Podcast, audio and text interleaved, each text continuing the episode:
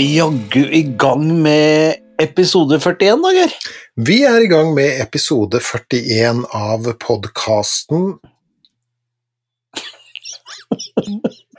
Jeg spiller inn til deg. Av podkasten Å ja.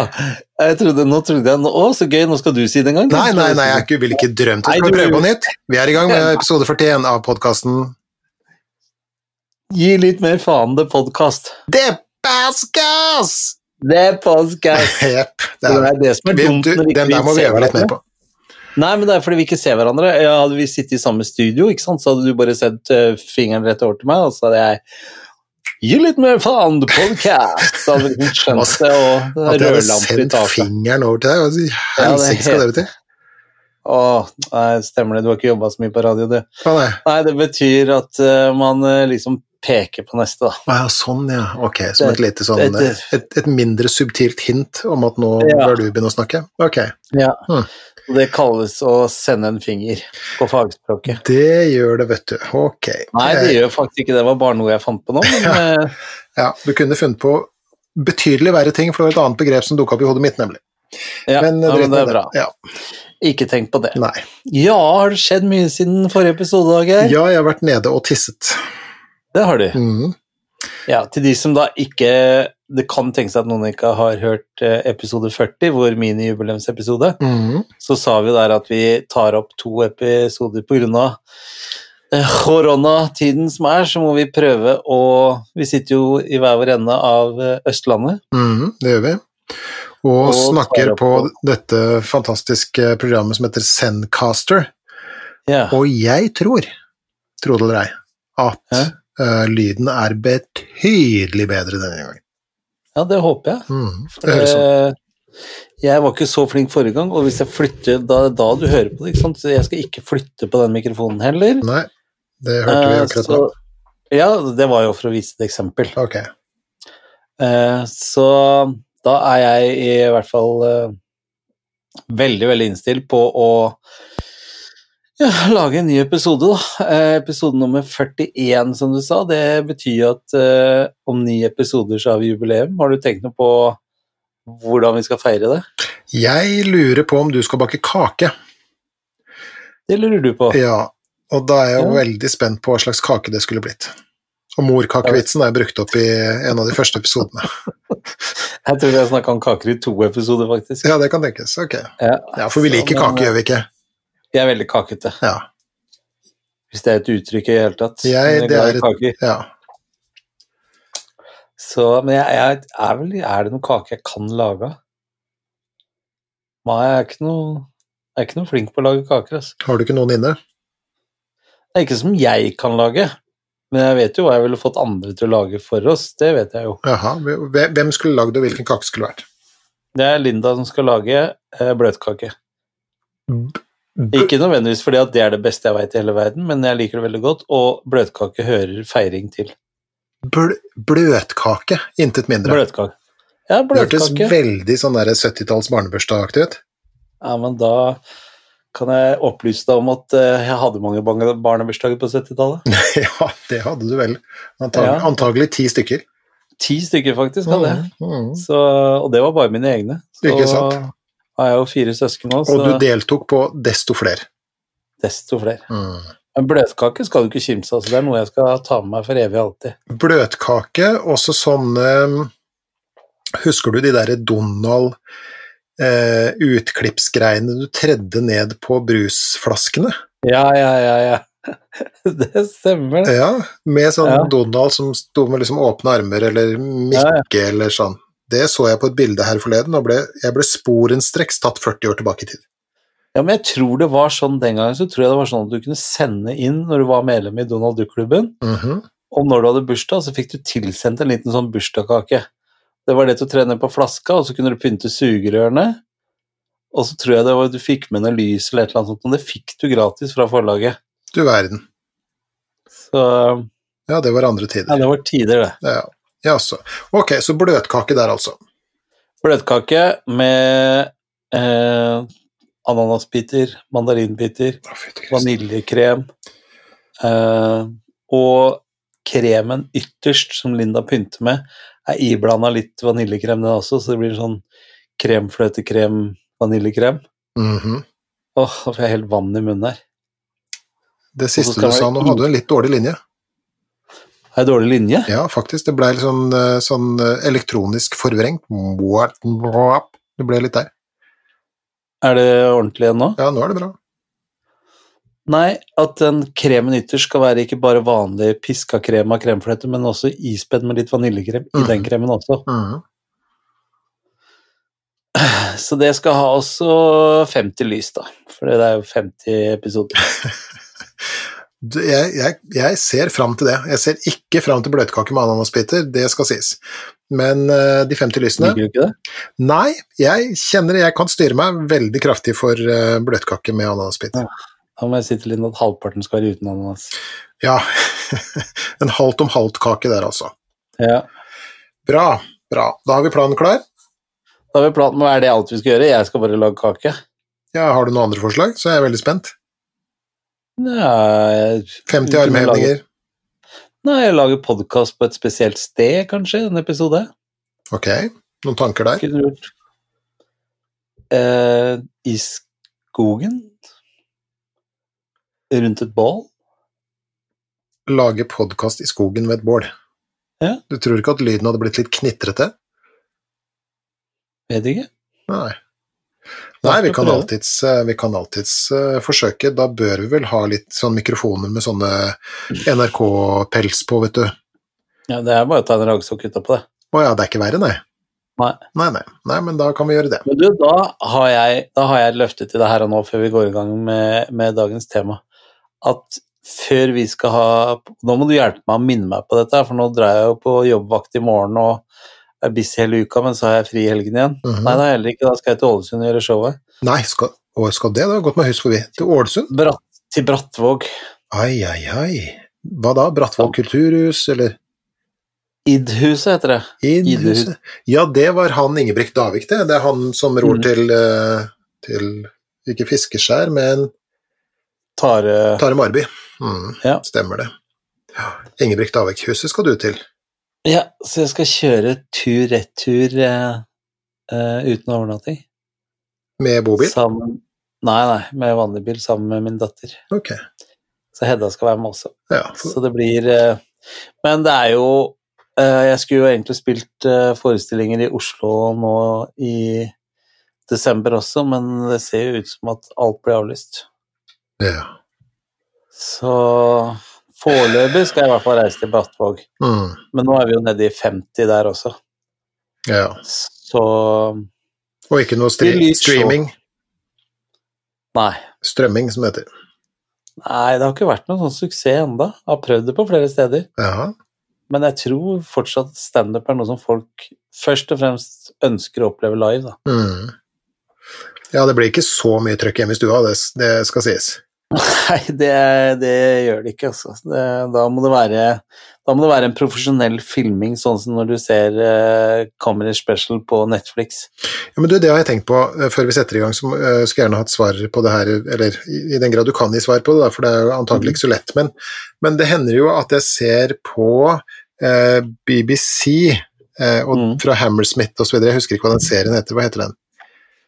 Jeg vet ikke. Nei, ok, men det er, det er i hvert fall en, en komiserie, eh, Mm. ja, hva heter det? Live, Live from Apollo heter det. Ja, fra Apollo, ja. Eh, og der er det jo eh, Det er jo en stor sal, og det er jo tatt opp for lenge siden, så det var jo pre-korona så det synger etter. Eh, og det ser jo ut til at alle i salen eh, koser seg glugg i hjel og ler så de henger over stolene. Ja. Eh, og nå er, det kan jo tenkes at jeg er en sånn sur gammel pomp, men, men jeg s- tenker at jeg er litt sånn, i hvert fall sånn gjennomsnittlig eh, lattermild. Mm. Men det er veldig sjelden når jeg sitter hjemme alene, kanskje kona mi er på jobb og, og sønnen er ute og, og flyr eller et eller annet, så sitter jeg der alene og ser på, på standup-komikere, så er det veldig sjelden jeg ler høyt. Mm. Eh, og da har jeg av og til tenkt at det er kanskje en del sånn stemningen i salen og sånt som, som er med på å påvirke. Hva, har du noen erfaringer i den retningen?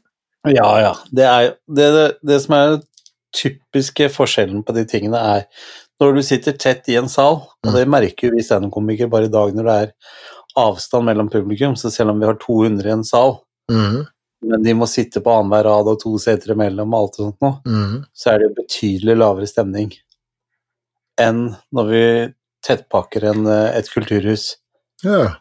Fordi at det er jo Det er et feil ord å bruke, for det, jeg syns det høres så svindlerisk, men massesuggesjon mm. eh, Det er mye lettere å le av ting eh, av når du hører den ved siden av deg ler eller klapper. Du blir lettere revet med. Det er, du kan Til sammenligning kan du prøve å se på en konsert, livekonsert på TV-en din hjemme, og stå i, i konsertsalen og høre på musikken sjøl. Mhm.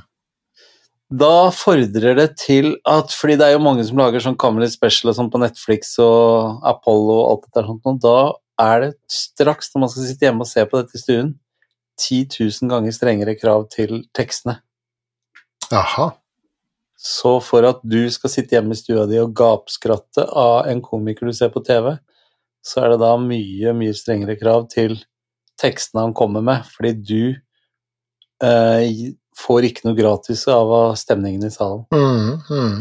Eller mimikken, som når du ser Du vet når du sitter i salen, så ser du en komiker eh, eh, fra samme sted hele tiden. Mm. Måten han beveger seg på, måten han kaster på håret, lyden i lokalet, stemningen du er i før du dro dit og satt deg, du har kanskje vært ute og spist, eh, tatt noen glass vin sammen med venner, er i god stemning når du setter deg ned i salen. Mm. Det er mange raringer i salen, noen du kjenner altså det, er, det er en helt annen stemning enn å sitte hjemme alene i sofaen og se på. Og så er det alltid en person med en helt sånn vanvittig latter.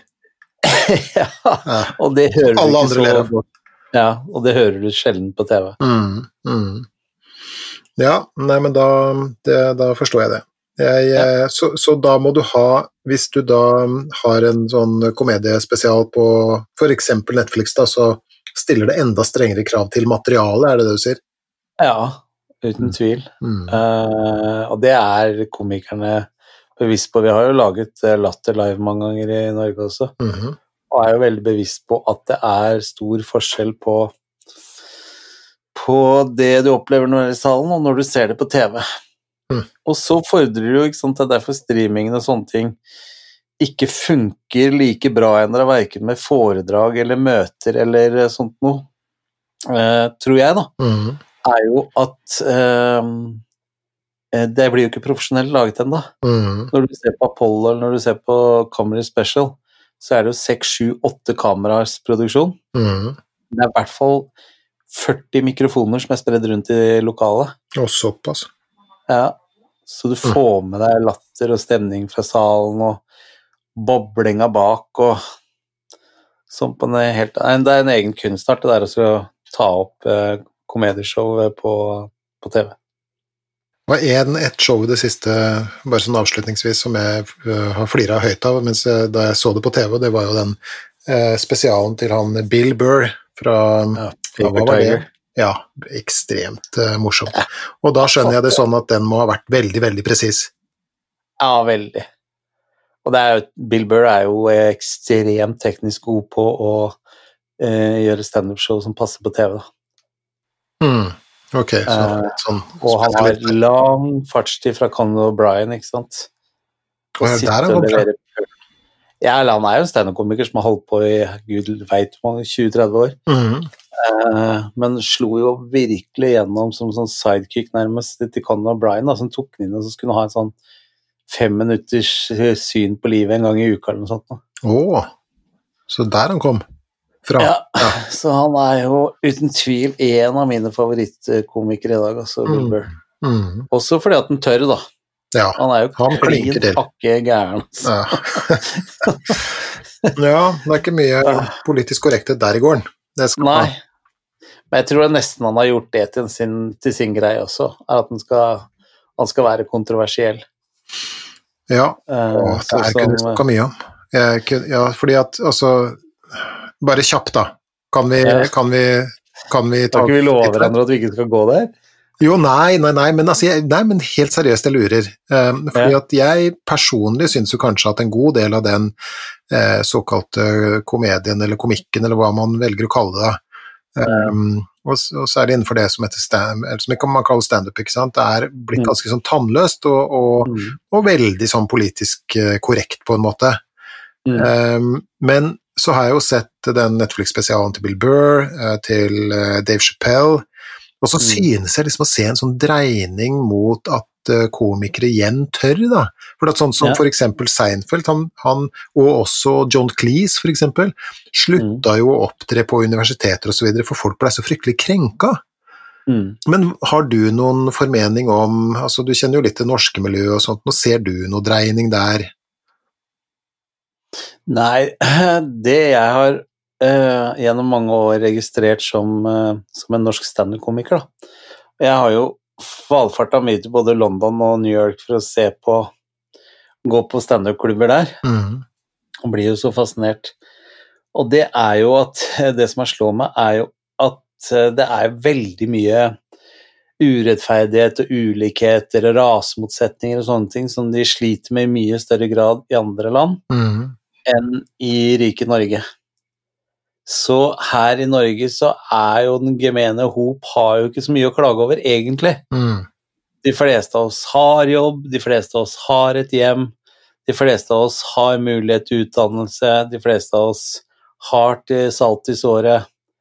Vi har det generelt ganske godt i Norge. Likestillingen er kommet godt i gang, osv. videre, og så videre. Så det er ikke så store forskjeller på folk i Norge som f.eks. USA, da. Mm. Eh, sånn at der borte så er det jo mye mer populært å ta tak i de tingene som er ulikhetene i samfunnet. Og sånn sett så er det jo et fantastisk talerør for det. Jo, men så kan man jo eh, tenke at eh, for eksempel, ja, både Bill Burr og Dave Chappelle for eksempel, da, Mm. de eh, kødder jo med og harselerer jo med nettopp eh, ja, rasemotsetninger, feminisme osv., ikke sant? Mm. Eh, og slipper unna med det på et vis. Og det er den dreininga jeg tenker på. Hæ? De får masse pes. Ja, ja, ja, det vet jeg, men de skiter jo i det. Ja, Ja. ja, ok. Men det er ingen som har kommet dit i Norge at de begynner å, å hive seg på den galeien, nærmest? Som Nei, de, jeg tenker at det er høyere risiko i Norge òg. ok. Du vet at eh, Bill Burr har jo potensielt bare i USA nærmere 300 millioner som kan komme og se og høre på showene hans. Mm, Og i tillegg så er han eh, engelskspråklig, så han kan reise til Canada, han kan reise stort sett de fleste stedene i verden og gjøre standup. mm, I Norge så er vi hva er det for noe, 5,5 millioner, snart 6 millioner mennesker. mm, Eh, og tar du det markedet som vi komikere har, så la oss si at det er et sted rundt 500 000 mennesker da, som i løpet av et år går og ser på forestillinger, hvis det er så mye. mm, Og hvis du da skal legge deg ut med ja, kritisere ja, f.eks. feminisme, da, eller um, politisk korrekthet, eller noe sånt noe, så risikerer du jo at uh, godt over halvparten syns at det ikke er noe, og dermed boikotter å gå og se eller høre deg. I USA så har fortsatt Bill Burr 150 millioner mennesker å ta, mm. bare i USA. Mindre risiko. Ja. Ja, ok. Er min eh, Jeg vil ikke si teori, jeg vil si tese. Ja, kanskje til og med en hypotese. Ja, kall det gjerne det. Ja, ikke sant. Ok. Ja, nei, men takk for den redegjørelsen. eh, Men jeg håper jo at, at det blir at det etter hvert blir også større rom for hva man kan eh, tøyse og tulle med i Norge. Mm. Ja, sånn at de som jo har lyst til å leve av å drive med standup, eh, ikke føler at de må være innenfor visse normer hele tiden. mm, mm. Det er jo en slags sånn feighet i det òg, tenker jeg, da. Eh, ikke at jeg hadde vært noe modigere, det er ikke noe med det, men, men eh, ja. Eh, og han, han godeste John Cleese, som jo er hva, er hva kan man si om han, da? At han er komediens Paul McCartney, eller et eller annet sånt som det her? Ja, Monty Python si. Var jo, var jo, oppsto jo på samme tida som Beatles og har vel samme status omtrent i den verdenen. Han Mm. har jo sagt at han, han ville ikke opptre mer, men han mener samtidig, eller ikke, i hvert fall ikke på universitetene hvor de rene og ranke åpenbart går for tida, da, men, men han sier samtidig at det er ingenting, ingenting det ikke går an å, å spøke med og le av. Og så er det, kan man jo også tenke at det går an å spøke med og le av eh, ting på en ganske sånn eh, respektfull måte også, da. Men det her kunne jo nesten vært en egen episode, og vi skal ikke, vi skal ikke forfølge det her eh, mer. Nei, la de som er opptatt av de tingene, kjempe de kampene. Ja, la oss, eh, la oss gjøre det. Ok, Det er mye kulere å prate om de tingene som vi prater om, ja. ja. Hva er det vi prater om, da? Livet. Livet, ja. Livet er livet, som jeg kaller det. ja det det syns jeg var veldig godt uh, sagt. Har du vurdert å gjøre det til en T-skjorte eller noe sånt nå? Nei, men kanskje sang? En sang, ja. Ja. Tenker du engelsk tekst, eller? Nei, jeg tenker norsk. Liv er liv, la la la la la. Ja, den kunne blitt en slager. Ja, for jeg kjente jeg bare sang med med en gang. Helt på refleks. Så den, eh, den har potensial, det sier jeg det. Ja, du skal jo absolutt ha meg inn i studio til å spille inn sanger, så Du, vet du hva, ja, det, og det, helt seriøst, det skal vi få gjort. Eh, Vi kan uh, si det allerede nå, det kommer snart en russesang med herr Steine. Det har vi ikke blitt enige om, nei. Nei, nei, men det kommer til å bli ønske fra deg. Ja, det er det. ja, det er det. det er det. En ekstremt god russesang fra uh, ditt show. Så uh, Ålesund, bare å glede seg, altså. Bare Ja, å komme Brattvåg, på- da. Brattvåg, Brattvåg, Brattvåg, utenfor. unnskyld. Brattvåg. Utenfor Ja. Mm. Veldig viktig at du ikke sammenligner eh, Brattvåg med Ålesund, vi er to forskjellige steder. ja, det kan jeg tenke meg, du. Ja, Ja. Det, det Brattvåg og, og, og Id, her, eh, her kommer det Id-huset på Id ja, Jeg har jo vært der da når episoden her kommer. Ja. Er det eh, fredag, lørdag? Lørdag. Det er lørdag. Ok. Ja. ja, bra. Jeg går jo av vakt på fredag, så jeg meg i bil, og så drar jeg dit. Du ligger ikke på latsiden, det skal du ha. Nei, det Eller jeg har det veldig godt, altså. Mm. Jeg har jo nå Går jeg på vakt i morgen, da er det en uke siden jeg var på vakt. Ja. Så jeg har fått gjort masse fornuftig og masse ufornuftig i den perioden. Mm. Mm. Og har Så- til, har til salt i såret. Uh, ja, det Jeg lider eh, ingen nød. Mm. uh, men uh, jeg er ikke så opptatt av å ha så mye mer heller. Nei, nei. Det, jeg er ferdig med de tidene der, tror jeg. Mm. Så ålreit. Ja. Men du, skal vi nå da etter 22 minutter begynne å komme til saken, eller? Er det, hadde det vært noe? Det er bare et forslag, selvfølgelig, men eh, Og Hvis du var sikker på at den eh, episoden her, siden vi tar opp to stykker på en kveld, så blir det ikke så mye prat i begynnelsen. Men Nei. jaggu klarte det igjen. ja. Vi kan jo bare starte en podkast som heter Småprat, og så kan vi sitte sånn og småprate. Det Ja, tror jeg sikkert hadde slått an. I hvert fall for oss, da. Det hadde vært det. Det hadde vært eh, Men vi, vi begynte jo i forrige episode med eh, en liten sånn eh, kjepphest for deg. Eh, Ja. Nemlig dette her med psykologiske myter. Ja, eller myter er kanskje å strekke det langt også, fordi det er jo noen som mener at uh, alle de tingene som jeg kanskje er litt sånn, uh, fører litt sånn korstog mot, da, er, uh, er superviktig og, og helt riktig og sånn. Så Mm. det er, som sagt så er det jo lov å være uenig. Mm. Men jeg har vel gjort meg noen observasjoner av en del sånn fenomener som jeg har en høne å plukke med, da, som det het i gamle dager. Mm. Eh, og Det er bra, tenker jeg. hva? Jeg tenker det er bra. Ja, selvfølgelig er det bra. ja, ja, klart det er bra, og man skal være uenig, og man skal krangle på ting, og man skal finne ut av ting, og, og tenke rundt ting og, og sånt noe. Så det kan også tenkes at jeg i løpet av livet endrer mening. Det, det har jeg oppdaga at en del av de tingene som eh, jeg spoler tilbake. Hva sa du nå at det er en mulighet for at du en gang i løpet av livet eh, kan ta feil. Ja, Endre det satt litt langt. Ja, endre mening, kan ta feil osv. Det sitter langt inne eh, å innrømme noe sånt, men eh, jo, det er nok eh, sånn. Jeg har vel oppdaget at eh, en stor del av livet handler om å spise kameler på tvers. Ja, mothårs. Eh, mothårs, absolutt. Hva er det, kom det noen inn til det? Nei, jeg bare unnskyld, for jeg mistet blyanten ned fra arket. Du vet, ja, ok. Ja, Jeg vet åssen du er med lyder. ja. jeg har et visst Så jeg tvang. sier jeg unnskyld på forhånd. Ja, det er, eh, det er mottatt. Men, Nei, men det er veldig viktig også å legge til da, at eh, tenker jeg at um, dette er det du uh, mener uh, og har filosofert rundt, men at det kan være folk som har en annen oppfatning, og ære være dem for det. Mm, mm. Sånn at eh. Ja, og, og, og igjen, det er lov å være uenig og så videre, men, men jeg tenker også samtidig at det er lurt å tenke seg om uh, av og til. Ja. Uh, og uh, dette, disse episodene her blir en anledning til å tenke seg om, med tanke på en del temaer. Og forrige episode så snakka vi om dette med den jeg kaller det sånn påstand da, som enkelte kan komme med, om at dette med at følelser er superviktige, og at særlig dette med å ha eh, såkalte positive følelser er, er kjempeviktig og er noe vi bør strebe etter. Mm. Eh, og i dag så tenkte jeg vi skulle snakke om eh, dette med eh, nettopp det å snakke om, altså problemer.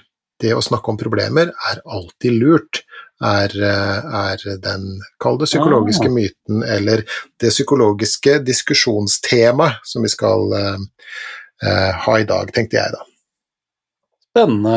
Jeg vet ikke åssen det er med deg, eh, og hvordan du er om, med dette med å snakke om problemer og sånt. Nå har du gjort deg noen tanker om det er lurt, eller om det ikke er lurt, eller hva, tenker du om det sånn umiddelbart? Ja, jeg er vel eh, av den eh, generasjonen som har blitt uh, oppfostra til å gjøre det stikk motsatte av det min foreldregenerasjon vokste opp med, hvor ingenting skulle snakkes om, og alt skulle hysjes ned, og alt skulle være tabu, til at jo mer du snakker om ting, desto bedre går det. Mhm, Ok, Men jeg er ikke helt enig i det. det er du ikke. Hva er, hva er årsaken til det? Uh, snart fire års samarbeid med deg. Ja, ok. Nei, men eh, vi har jo Det her er jo ikke helt ukjent. Dette er jo ting som, som du og jeg har snakka om både titt og ofte, om eh, eh, Litt sånn hva skal jeg, Det er et uttrykk en gang som heter noe, som heter noe sånn 'kos med misnøye'. Mhm, Jeg lærte meg fordi jeg var innenfor salg. mhm, Eh, og, eh, og jeg husker ikke i hvilken sammenheng, men jeg husker at du sa til meg at eh, at det her med debrifing, f.eks. etter en hendelse innenfor folk som jobber i redningstjenesten og sånt noe, mm. eh, der var det flere og flere som gikk vekk fra dette med debrifing. Mm. At det skulle snakkes, alle måtte sette seg ned og fortelle følelsene sine osv. mhm, Og det fikk meg til å tenke ganske mye at eh, når jeg har et problem som jeg vil snakke om, eh, så kan jeg av og til ha en tendens til at jeg vil snakke om det veldig mye.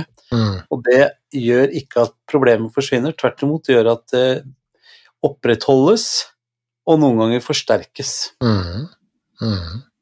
Så derfor så husker jeg at du og jeg diskuterte at jeg mener at faktisk noen ganger så Altså, jeg mener ikke at man skal skyve ting under teppet, og det er, ikke for, det er ikke lov å snakke om, og det er ikke lov å snakke om, men mm. jeg tror det kan dulles litt for mye med I hvert fall sånn som samfunnet er blitt eh, nå, så syns jeg det er veldig mye dulling med, med alles eh, følelser og problemer. Mm Så vi må snakke om det, vi må snakke om det. mhm.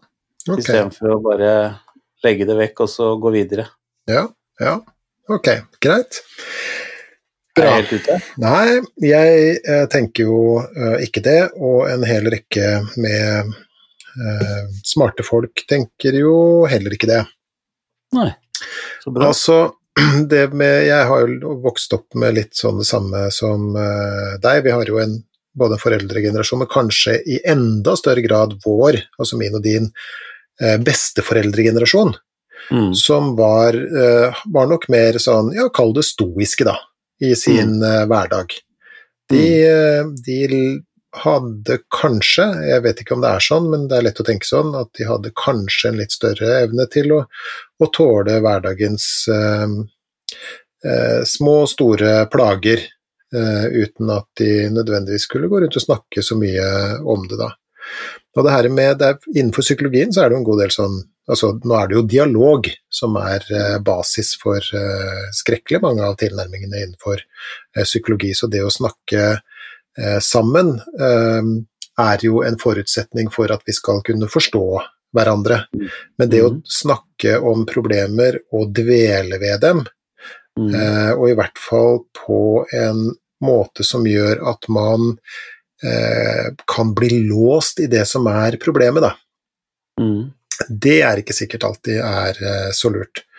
Eh, dette med snakkekurer er jo litt sånn fra, fra Freuds eh, tid osv., hvor man kunne ligge på en divan, og så kunne man snakke om, om i grunnen hva som helst, og så satt uh, terapeuten og, og, og fulgte med og, og noterte osv., og, så og så kunne man da komme til en, en sånn, det som kalles katarsis, altså en sånn følelsesfrigjøring på et vis, ikke sant? Mm. Man fikk Mm. snakka om og, så, og, og grått ut og, og sånn, og så var alt i orden igjen, på en måte. Og dette katarsisgrepet er, er fra, Hva fra kalte du det? katarsis. Det er et gammelt eh, begrep. Katarsis. Ja, katarsis. Jeg, jeg vet ikke riktig eh, nøyaktig hva det Men det er en form for sånn følelsesmessig utlading, og den var helt sentral i, i f.eks. greske dramaer og sånt noe. Så når man skrev eh, skuespill på den tida der, så var det sånn eh, Hva skal vi kalle det da? Det var eh, skikk og bruk, nærmest. At man fikk en sånn følelsesmessig utladning mot slutten av stykket. Da ble, da ble publikum fornøyde. Vi ser det jo faktisk på et vis også i Katarsis. Jeg kan finne selve definisjonen av det, da, så kan vi legge ut det. Ukas ord. Ukas ord. Ja, god idé! Katarsis, ukens ord. Jeg noterer meg det. Eh, Men i hvert fall. eh, Man ser det jo på et vis også i, eh, i plottet til både moderne bøker og moderne filmer osv., hvor spenningen stiger.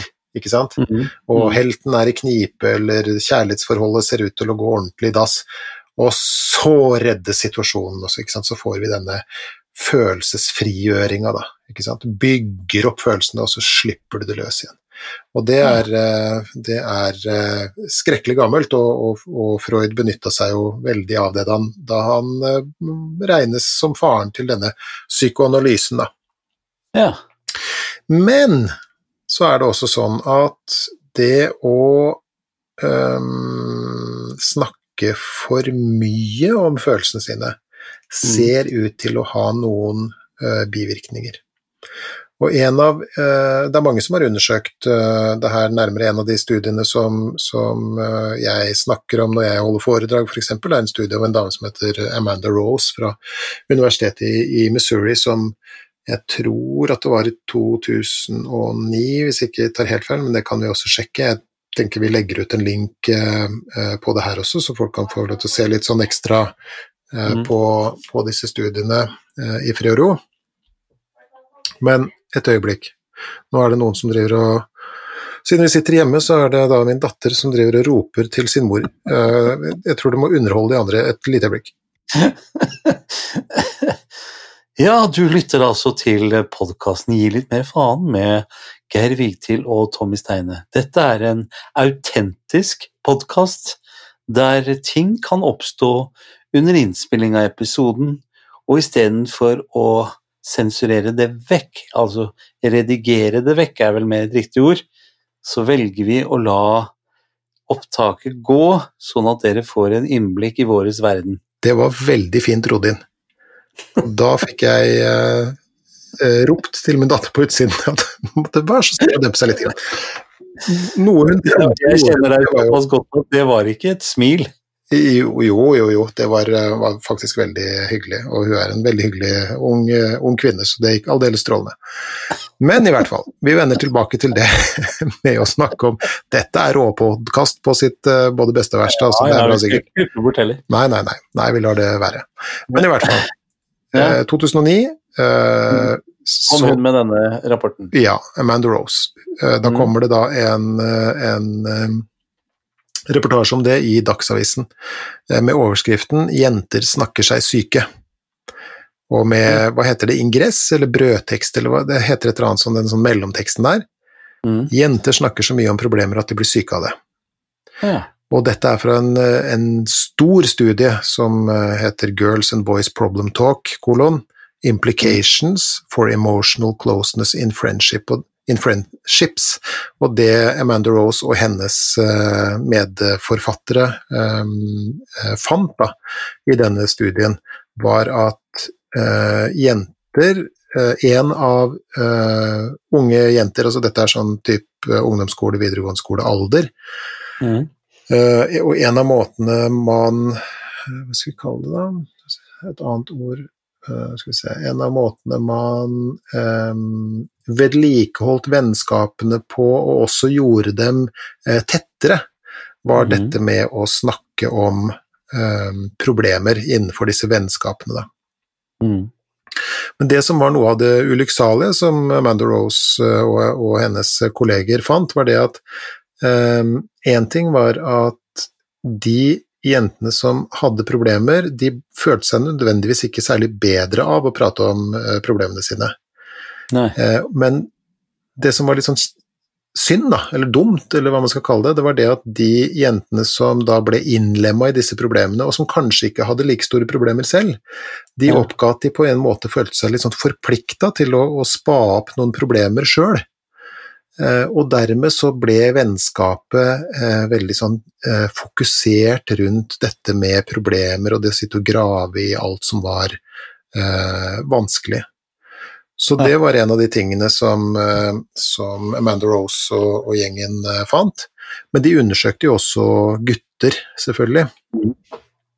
Og det de fant, var at eh, gutter ikke var så veldig eh, kine, som det heter i våre dager, på mm. å snakke om eh, personlige problemer. Men du vet at det er en slags sånn kulturell oppfatning av Eh, at gutter liksom ikke har et følelsesspråk, eller at de kanskje syns det er flaut å snakke om følelser og sånt noe. Av og til så kan man jo få eh, litt oppfatning av at den kulturelle oppfattelsen av gutter er at de er litt sånn dysfunksjonelle jenter.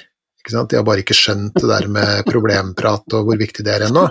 Men, men, eh, da um, Rose og, og, hennes kolleger undersøkte det, så fant de at, at uh, gutter ikke verken var flaue eller, eller mangla et uh, emosjonelt språk, eller altså mangla emosjonelle begreper i språket sitt. da men at, at, gutter, og dette er på gruppenivå selvfølgelig, for det er individuelle forskjeller, men, men, at de fant at eh, gutter kanskje ikke var like interesserte i å snakke om um, uh, personlige uh, problemer, for at de mente at prating for pratingas skyld var bortkasta tid. Ja. Det gadd ikke. Jeg skal komme tilbake til det, for det har noen implikasjoner.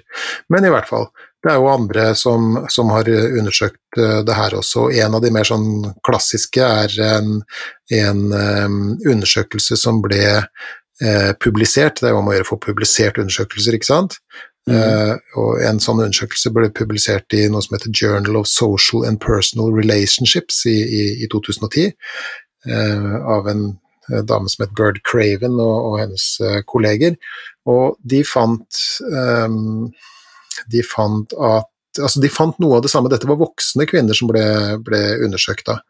Og det de ja. fant at uh, hvis det var en, en, et venneforhold, kan du si, ja. hvor kvinne A har et sett med problemer, og kvinne B kanskje ikke har fullt så mange problemer, så, så sendte jo disse forskerne disse kvinnene sammen. La oss si at de sendte kvinne B til kvinne A for mm. å snakke om, uh, om problemene. Uh, så det de disse forskerne gjorde da, i denne studien, kan også legge ut uh, den for så vidt, for de som er særlig interesserte, men det de gjorde var at de tok kortisol, ja, blant annet kortisol spyttprøver. Ja, de målte innholdet av kortisol, som er et stresshormon i spytt. Mm. ikke sant? Og det de fant at denne dama som hadde disse problemene, hun hadde jo selvfølgelig da høyest stressreaksjon, kan du kalle det mm. basert på denne, disse kortisolprøvene. Og mm. denne kvinne B, hun hadde kanskje ikke fulgt så mye. Nei. Og så fikk de lov til å snakke sammen en hel kveld om problemene mm. til kvinna, og kanskje til og med til noen av småproblemene til kvinne B også. Mm. Men greia var at de målte dem etterpå. Ja. De målte det samme hva skal vi si, spyt, tok samme spyttprøven, da, dette kortisolinnholdet. Hva tror du hadde skjedd i mellomtida? Ut ifra det du har sagt nå, så er det hun eh, kvinne A som jo hadde disse problemene. Hun har ikke fått senket sitt kortisolnivå noe, men hun kvinne B som kanskje hadde lavere, har kanskje fått øket sitt? Det er aldeles eh, riktig, det er det som har skjedd. Begge to har nå like høyt kortisolnivå, og begge har forhøya sammenligna med den første prøven. Og Det vil da si at de har nå sittet og stressa hverandre opp. Wow. Og det stiller jo også en del litt sånn uh, psykologiske pratekurer i et potensielt litt uheldig lys, da. Men Og her har du et, eh, det vi kaller et plot twist på nynorsk. Har du et godt norsk Ja. ord for det? Plot twist? Ja. Ja, det er ikke engelsk i det hele tatt. En historievri. Ja. Ja. Her kommer en historievri.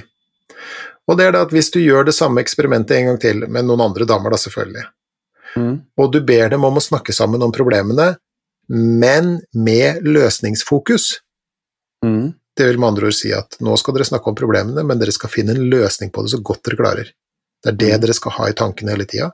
Da fikk du ikke den samme stressaktiveringa. Nei. Og det er jo litt uh, kult, syns jeg, da. Og det vil Ja. med andre ord si at hvis man skal tro disse forskjellige studiene og, og, og, og tolke dem tolke dem litt, så, så kan man kanskje tenke at um, det kan hende at damene har litt å lære av mennene, ikke sant? Med tanke Mhm. på dette med å snakke om, om følelser. Det vil da si at vi snakker om følelser og problemer, men med et løsningsfokus. Men så kan man også se på dette med at hos oss gutta så har vi dessverre en lei tendens eh, til å gripe til ganske sånn håndfaste metoder når vi får det litt ekstra vanskelig. Nå snakker jeg om selvmord. Mm. Menn har ja, mellom 200 og 300% høyere selvmordsrate enn eh, det kvinner har. Og jeg tenker jo av og til, og det er det jo mange som, eh, som snakker også om, som har vært i den situasjonen, at dette med å snakke om følelser og sånt nå kan være litt sånn ekstra vanskelig, og igjen på gruppenivå hos, hos oss menn. Så det vil med andre ord si at kanskje bør jentene lære å ikke alltid um, hva skal vi si, være uh, problemfokuserte, selv om de da opplever at de får bedre rela- av det, for det var faktisk noe av det som kvinnene rapporterte hyppigst. At, at selv om de kanskje til og med følte seg verre etterpå, så følte de liksom at relasjonen var blitt tettere.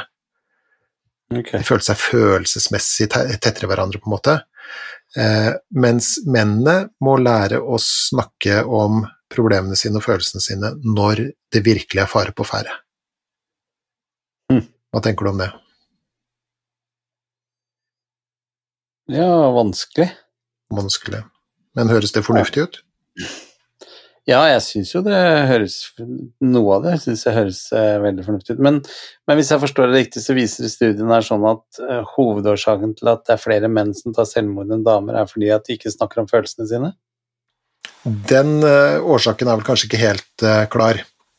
Nei. Men samtidig så vet vi jo også noe om eh, gutta på eh, igjen på gruppenivå, at vi er kanskje ikke like flinke til å innrømme at vi sliter, og at vi har mislyktes med ting, og at vi ikke er helt på topp og, og sånt noe. Ja, At mye av årsaken kan ligge der. Ikke sant? Og da kan man jo tenke at uh, det hadde vært greit hvis vi hadde lært litt. Ok. Med så- andre ord så kunne vi kanskje lært litt av hverandre, tenker jeg da. Ja. Nå var du veldig politisk korrekt, Geir. Ja, syns du det? Ja. Nei, men jeg syns det, Veldig hørtes ganske fornuftig ut selv. Ja, ja. Ok. Men jeg Ok, så hvis jeg skal eh, bare tenke sånn derre førstereaksjon på dette, sånn, så er det jeg sier at hvis ikke det er så alvorlige problemer, Mhm. så er vi ikke tjent å bruke for mye tid og snakke om det. Men når det blir alvorlige nok problemer, så er vi tjent med å snakke om det i større grad. Vel, det som dette peker i retning av, da, Mm. handler vel mer om at det kan være helt greit å snakke om problemene sine, men ikke bare for å sitte og rulle seg i det. Nei. Men hvis du har et løsningsfokus, og du tenker at jeg skal snakke om problemene mine for å finne ut av det her, og se hva jeg kan, om det er noe jeg kan gjøre med det, så ser det ut til å ha mindre eh, stressende effekt på oss, da, enn hvis Men jeg vi har jo, jeg har jo opplevd, og det er mulig dette her er bare feil, at det er jeg som ikke helt klare også å forstå alltid når jeg skal lytte og holde kjeft, og når jeg skal komme med løsninger. Mm. Men jeg opplever jo med de kvinnene som jeg har omgitt meg opp gjennom årene i mitt liv, mm. og da snakker vi om mamma, søstre, kjærester, døtre, mm. og de kommer til meg med problemer som de vil snakke om, Mm så er det faktisk veldig ofte at de er ikke ute etter at jeg skal komme med en løsning til dem, Mhm. Men derimot bare forstå at de opplever det som et problem. Mm. Mm.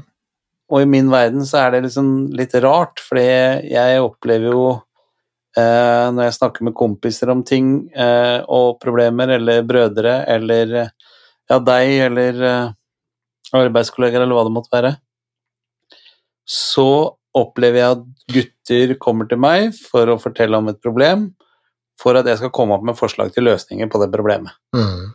Mm. Og jeg gjør det samme til de. Mm. Ja, eh, og jeg har nok mye av de samme mm, erfaringene. Eh, Men jeg tenker at altså, hvis jeg skal ta på meg terapihatten, da, eller terapeuthatten, Ja. så Ja, tenker jeg at det rød. Hæ? Ja, den røde? Ja, med Ja. eh, gule striper. Ja. Eh, Da vil jeg tenke at det, det er en slags sånn mellomting her. Ja. Fordi at hvis du har et problem, og du går til et annet menneske med problemet ditt, Mm. det å bli forstått, og, eller i hvert fall få opplevelsen da, av å bli forstått og hørt, Mm.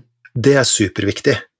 Mm. Fordi at eh, det gjør noe med forholdet til den andre, og det å liksom kunne stole på den andre og, og tenke at vedkommende skjønner litt hva det er som foregår. Mm. Men når det er gjort, så starter jobben med å hva skal vi si, sette grenser for, eller til og med avlede fra, litt sånn unødig langvarig symptom- og, og problemfokus. Mm. Eh, og det å hjelpe den andre til å se mulige løsninger fremfor å bli værende i problem- eller, eller symptomfokus. Da. Og, Mm. det, og sånn er det i terapirommet også. Det å få lov til å komme inn og fortelle historien sin og, og få en forståelse av at den andre forstår at dette er Mm. vanskelig og fælt og vondt og sånn, det er, Mm. det er jo kjempeviktig. Men jeg tenker at det å da skulle bare snakke om det som er vanskelig, bare for å snakke om det som er vanskelig, Mm. det kan godt oppleves godt der og da, men, men det aller meste tyder på at det ikke er særlig eh, hjelpsomt, da. Eh, og det er jo Man kan jo tenke seg at vi har jo snakka masse om eh, dette med det vi kaller KOS, altså kognitivt oppmerksomhetssyndrom, det å bli værende i f.eks. grubling og bekymring. Mm.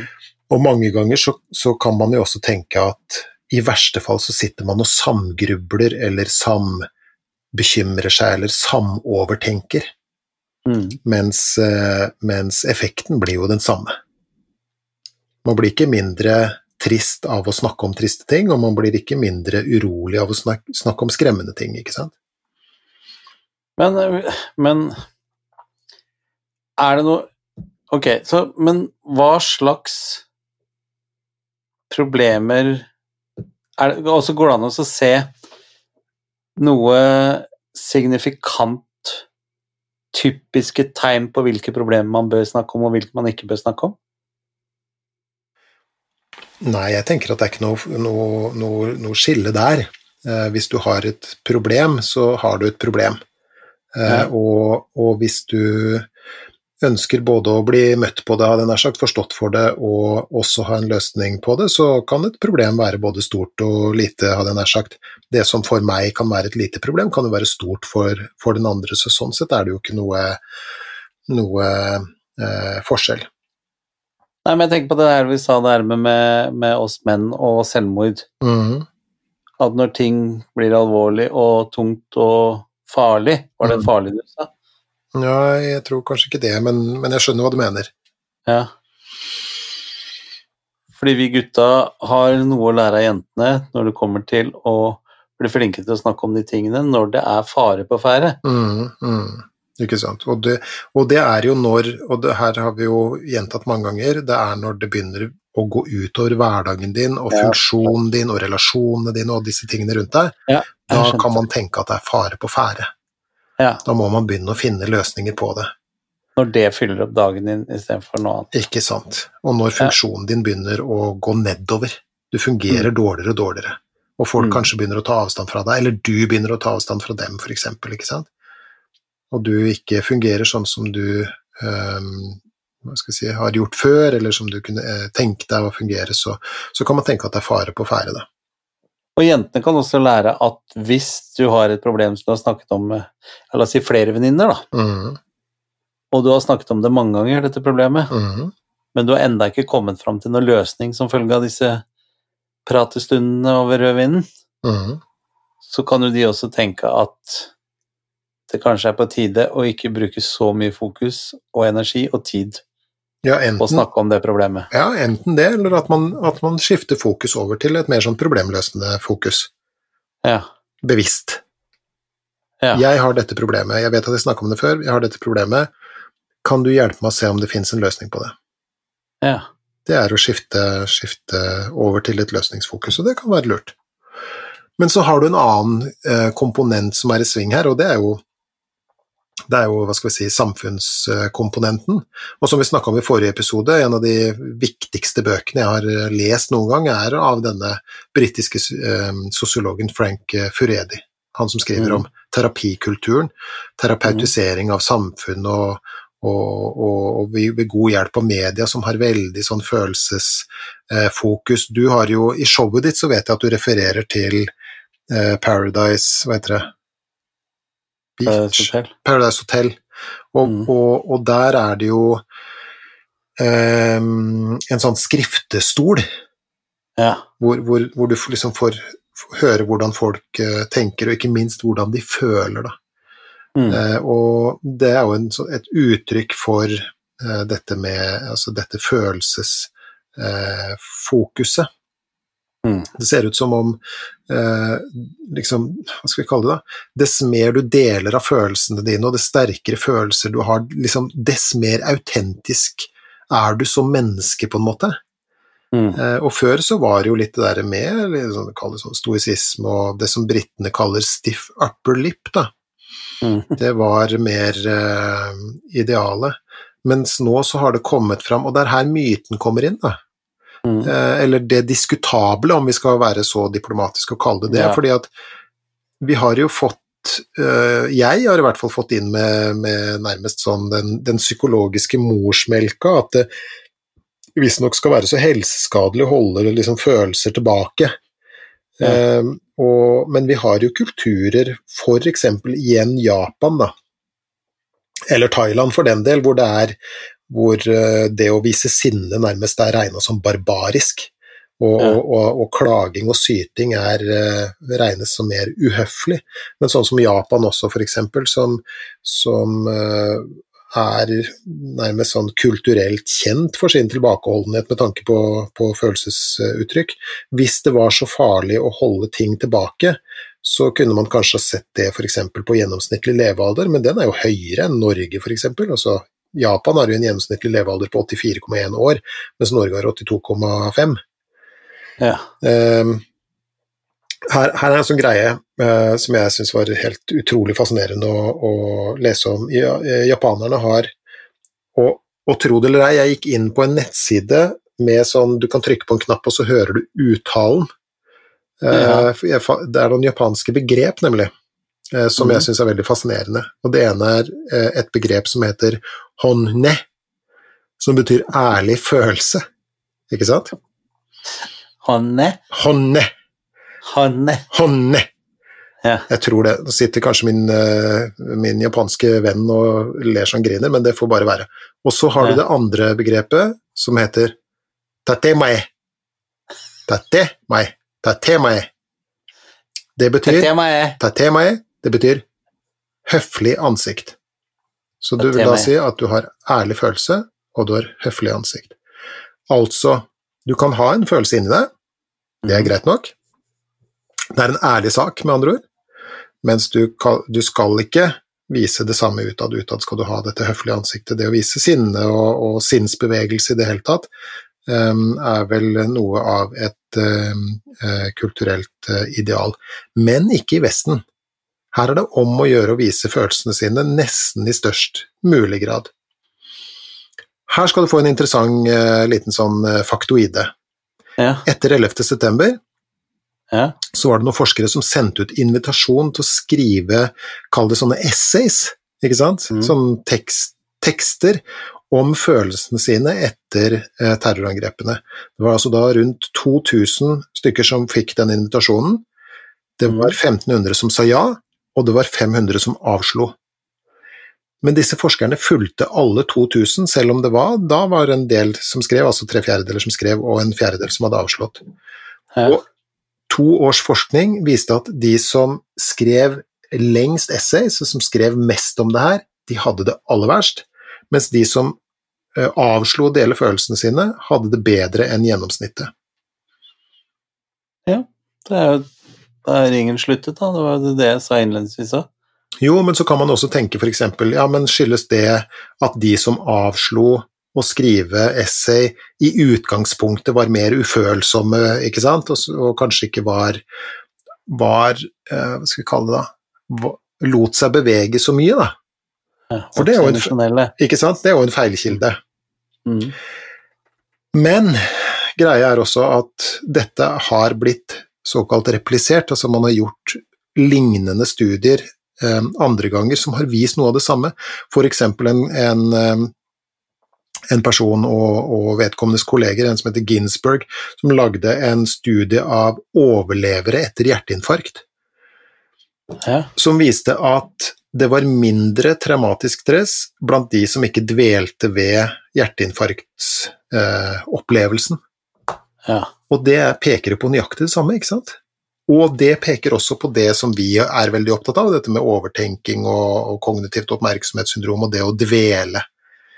For de som skulle være ekstra interessert, hør på episode 8 og 9, den, den handler særlig om det. Men, men masse studier her som peker på at det å kanskje ikke være så eh, Jeg kaller det dvelende da, ved følelsene, Ja. eh, ser ut til å virke beskyttende mot uh, stress. Men så er det noen som sier at ja, det er greit nok, men sinne, da, det er jo det, er jo det verste du kan uh, holde inne.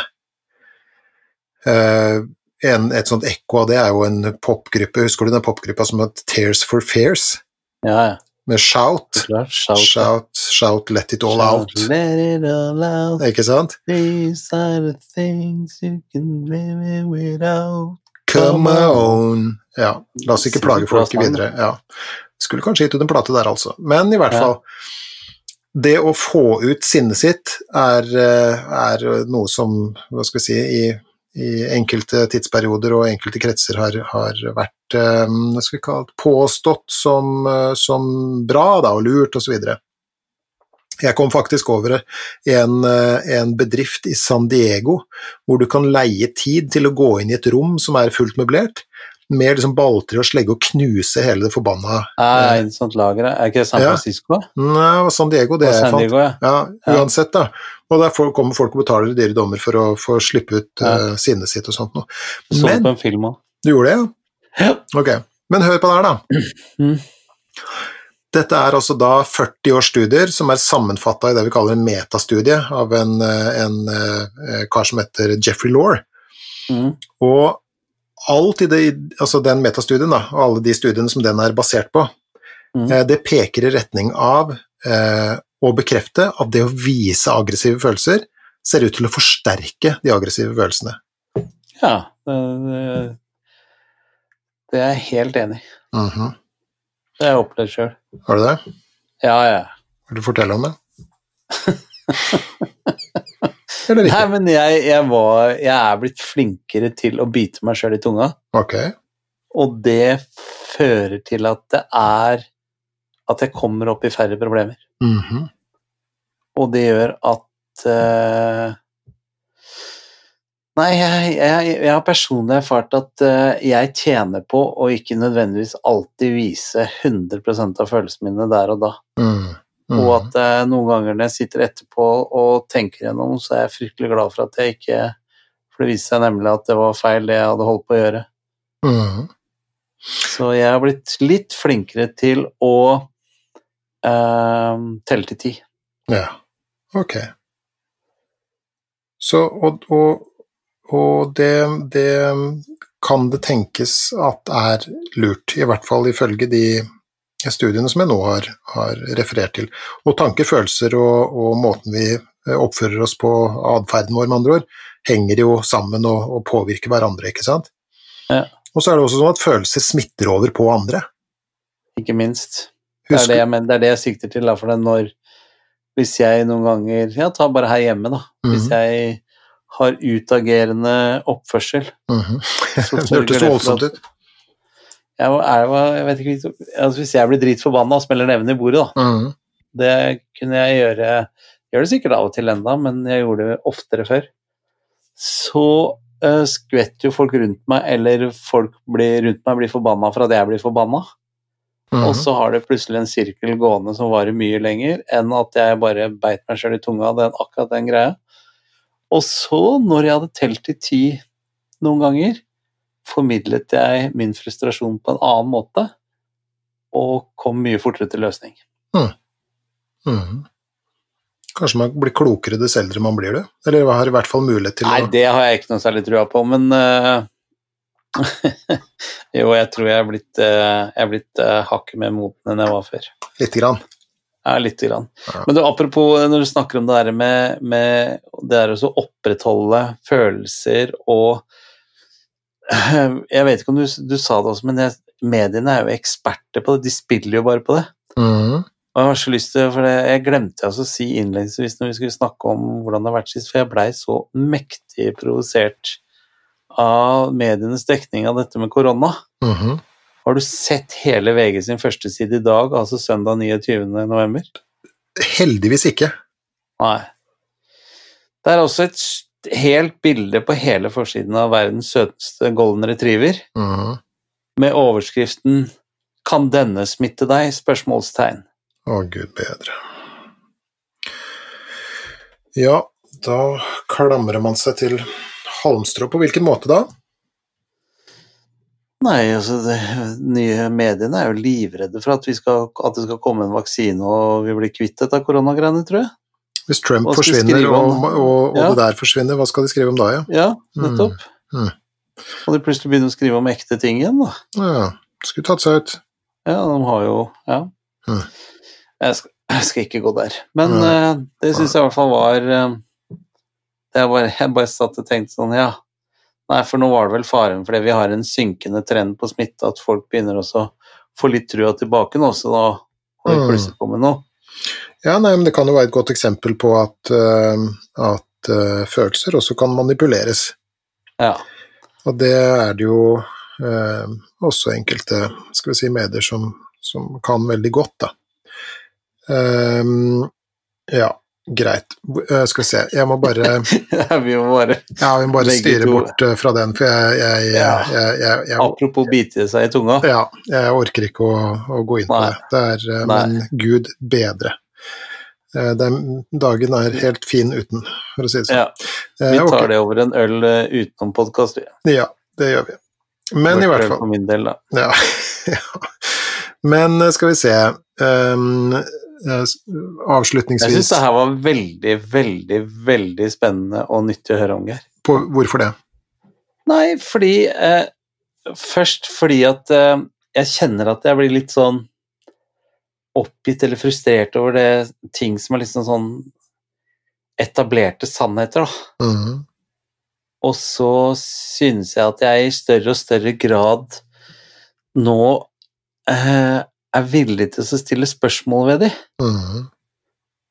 Uh, og når du da sier sånn som nå har vi jo tatt ja, Vi har bare rukket to av dine myter nå på to episoder, men, men uh, det syns jeg er så genialt at man kan Ikke at du nå sier at det ikke er sånn, eller det er sånn, men at, vi, at du tar det opp som Kan det være mulig at det er flere fasetter ved den sannheten? Mhm. Ja, for du skal også være ehm, Altså, jeg syns det er veldig kult, det, å, å forsøke å utfordre vedtatte sannheter. Ja. Men Absolutt. samtidig så ser jo ikke jeg heller bort fra at jeg kan ta feil, og det, har, det er jo faktisk en ting jeg har sagt til mine barn bestandig. Vær superkritisk. Behandle hver dag som om det er 1. april, i hvert fall Ja. i kontakt med mediene. Ehm, vær kritisk, tenk selv, ikke hør på folk, og heller ikke hør på meg. Nei. Tenk, tenk, tenk. Eh, og nå Ja, greit, vi skal jo kanskje ikke gå dit, men jeg må få lov til å si at, at av og til så syns jeg vel kanskje at man i skoleverket er mer opptatt av eh, hva man tenker enn en hvordan man tenker, da. Jeg syns Ja. vi skulle ha lært barn mye mer hvordan man tenker, og hvordan man er kritisk til f.eks. kilder osv. Så, videre. så at man lærer å, å tenke selv, det er en eh, det, Og det er supervanskelig, og jeg sier ikke at jeg har noe har det under kontroll, jeg heller, for jeg lar meg også påvirke av både det ene ene og det andre. og, og når jeg, ja, det er menneskelig, og når jeg også leser studier osv., så, videre, så har jeg jo en tendens til å, å, å juble litt ekstra over ting som jeg kanskje har tenkt selv, eller er enig i, eller noe sånt, ikke sant. Mm. Så, men, men i hvert fall, dette er et utrolig interessant tema, det er veldig mye interessant eh, forskning knytta til det, og det er ikke alt som peker i retning av at, av at det å skulle lufte, lufte følelsene sine i alle sammenhenger, da, slippe dem løs, som, en, Mm. som om det er en slags sånn demning som bygger seg opp i oss og gir oss hjerteinfarkt hvis vi ikke får sinne ut, f.eks. Det, det er visse ting som tyder på at det ikke er um, helt uh, reelt, og, og jamfør uh, forrige um, episode, dette med um, følelser og kulturelle uttrykk uh, med tanke på Mm. følelser osv., så, videre, så er det jo vi i vår kultur, la oss kalle det den vestlige kulturen, da, har jo også våre kulturelle regler for hva, hvordan, hvordan følelser skal både mm, Hva skal vi kalle det? da? Hvordan følelser skal føles, og hvordan de skal uttrykkes osv. Jeg må jo si at jeg blir veldig sånn fascinert over eh, La oss si at hvis en offentlig person dør Husker du eh, prinsesse Diana? Mm. Da hun ja, døde? sett sånn, ja. Ikke sant? Og, og den derre Den offentlige sorgen, da. Som, som Ja. bare øste ut, og det var hjelpelinjer, og det var liksom, det var liksom ikke måte på. Eh, og, og jeg husker eh, prins Charles ble jo kritisert for at han ikke la armen rundt prinsene mens de gikk etter morens kiste, og alle liksom så etter følelsene deres for å finne ut hva de følte, hva de følte, hva de følte. Og det er jo litt sånn eh, Det litt sånn Det kan fort bli litt eh, klamt. Det var jo, Mm. var jo som for eksempel Og igjen etter, eh, etter 11. september så frykta man jo at, at øh, hva var det for noe? De frykta en økning på 500 000 tilfeller av PTSD i New. York-området. Det skjedde jo aldri, ikke sant? Nei. Sånn at eh, det er ikke noe, noe, noe fasit på det her. En, en annen kulturell greie, dette er USA, da. Så dette med sorg, Ja. Når det kommer til dette med kulturelle regler, der er eh, Altså, hvis du ser på diagnosemanualene For Ja. sorg er jo en slags diagnose blitt også. Hvis den varer for lenge, fordi at du har lov til i anførselstegn å sørge i sånn ca. 18-24 måneder, men etter det så, for, så kan du henvises til behandling, for da har, du, da har du for langvarig sorg. Som om det er en eller annen form for sånn eh, fasit Er det eh, sant? det. Ja, det er sant. Og det er jo litt sånn eh, stusslig, hadde jeg nær sagt. Så jeg tenker at det er en Hva fin hvis du bare gjør det i seks måneder, da? Jeg vet ikke, kanskje det er patologisk, det, òg, jeg aner ikke. Da sørger du for kort, antagelig. Men, men jeg tenker jo Ok, så, så for å så oppsummere på en måte, eller prøve å forklare litt nærmere hva jeg mener, da, Ja. så tenker jeg at det er en fin linje mellom det å uttrykke hva man føler, liksom, og det å være helt sånn inkontinent. Ja. Ikke sant? Helt sånn uttøyla. Litt sånn tilbake til det japanske, da. Hon ne, ikke sant? Det, Ja. Altså det å vedkjenne seg og akseptere at man har følelser, og at, og at det er greit, Ja. ikke sant? Mens det andre tatemae eh, Dette med Er du imponert? Jeg kan si det en gang til. Tatemae. ja, men jeg tror det er mer sånn! Tatemae! Ja. Altså, det var et høflig ansikt. Ja. Altså, det vil da si å ikke la følelsene sine sprute ut i alle sammenhenger. Det er jo Ja. der grenseoppgangen går, tenker jeg. Så det er helt greit å ha følelser, men kanskje skal vi av og til være litt sånn kritiske på hvordan de kommer til eh, uttrykk, i hvert fall i henhold til både, hva skal vi si, kulturelle eh, forhold og, og, og forskninga, da. Så Det var en fantastisk oppsummering. Da. Du syns det, ja? Ja. Er hyggelig. Nå har du tatt det liksom to-tre ganger nå på sparket uten oppfordring. Ja, det er, men det, noe av årsaken er at jeg Dette er kompliserte temaer, og jeg er jo litt sånn engstelig for å bli misforstått. For det er jo ikke sånn at det liksom er imot følelser og det å snakke om pro problemer og sånt noe. Det er bra å snakke om problemene sine, men ikke hvis du gjør det hele tida og bare dveler ved det som er vanskelig. ikke sant? Ja. Og det er også helt normalt å ha følelser, og av og til kraftige, vonde, fæle, vanskelige følelser. Men det er også visse ting som tyder på at det er ikke alltid like heldig å liksom la det her plaske ut i alle sammenhenger og, og, og sånt. Og så er det noen kulturelle um, aspekter der også som Så ja, det var mitt forsøk på å forklare meg litt, da. Men det er det som er så deilig med podkast. Trenger jo for så vidt ikke å stå til ansvar eh, for noe når man får lov til å sitte og snakke om det man har lyst til. Så. Ja, men det syns jeg du Jeg synes du har gjort det på en veldig forståelig måte, Geir. Ja, takk for det. Takk for det. Jeg, når jeg forstår det, så tror jeg de fleste som hører på, forstår det. Mm. Tenker jeg, da. Ja, vi satser på det. Men da skal vi si at vi har klart en myte i dag òg, da. Ja, jeg syns jo det. Jeg har jo Ja. noen flere på lager også, jeg, så vi kan godt ta flere, altså. Ja, da tar vi det neste gang, da. Da gjør vi det. Nei, men da runder vi av med dagens episode med å igjen oppfordre folk til å like oss og dele, og sørge for at denne podkasten bare øker og øker.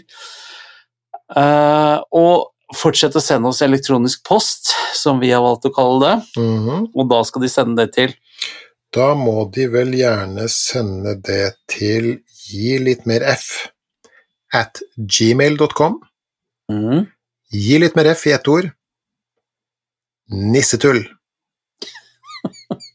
Gmail.com. Det er helt fantastisk. 9. desember i dag. Ja, det er 41 forskjellige måter har du klart å si det på. Ja, det er eh, Og som jeg pleier å si, det er mer der det kommer fra. Det er ikke 9. desember i dag. Det er 9. desember når dette sendes. Det er noe annet.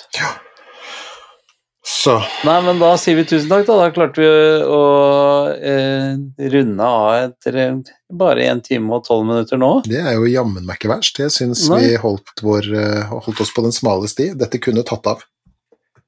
Det kunne du gjort. Mhm. Men jeg syns det har vært eh, utrolig lærerikt i dag. Takk det samme, hadde jeg nær sagt. Takk for at jeg av og til får lov til å bare liksom plumpe ut med Slippe følelsene løs, denne demningen av følelser. Veldig Ja. Men det er det denne podkasten er til for, vet du. Ikke sant? Ja, det er At min skal- egen lille At du terapi. skal få det. Få det ut. Let it all out. Ta vare på at vi snakkes neste gang, da. Takk det samme. Kos deg i adventstiden, og så snakkes vi snart. God jul! God jul!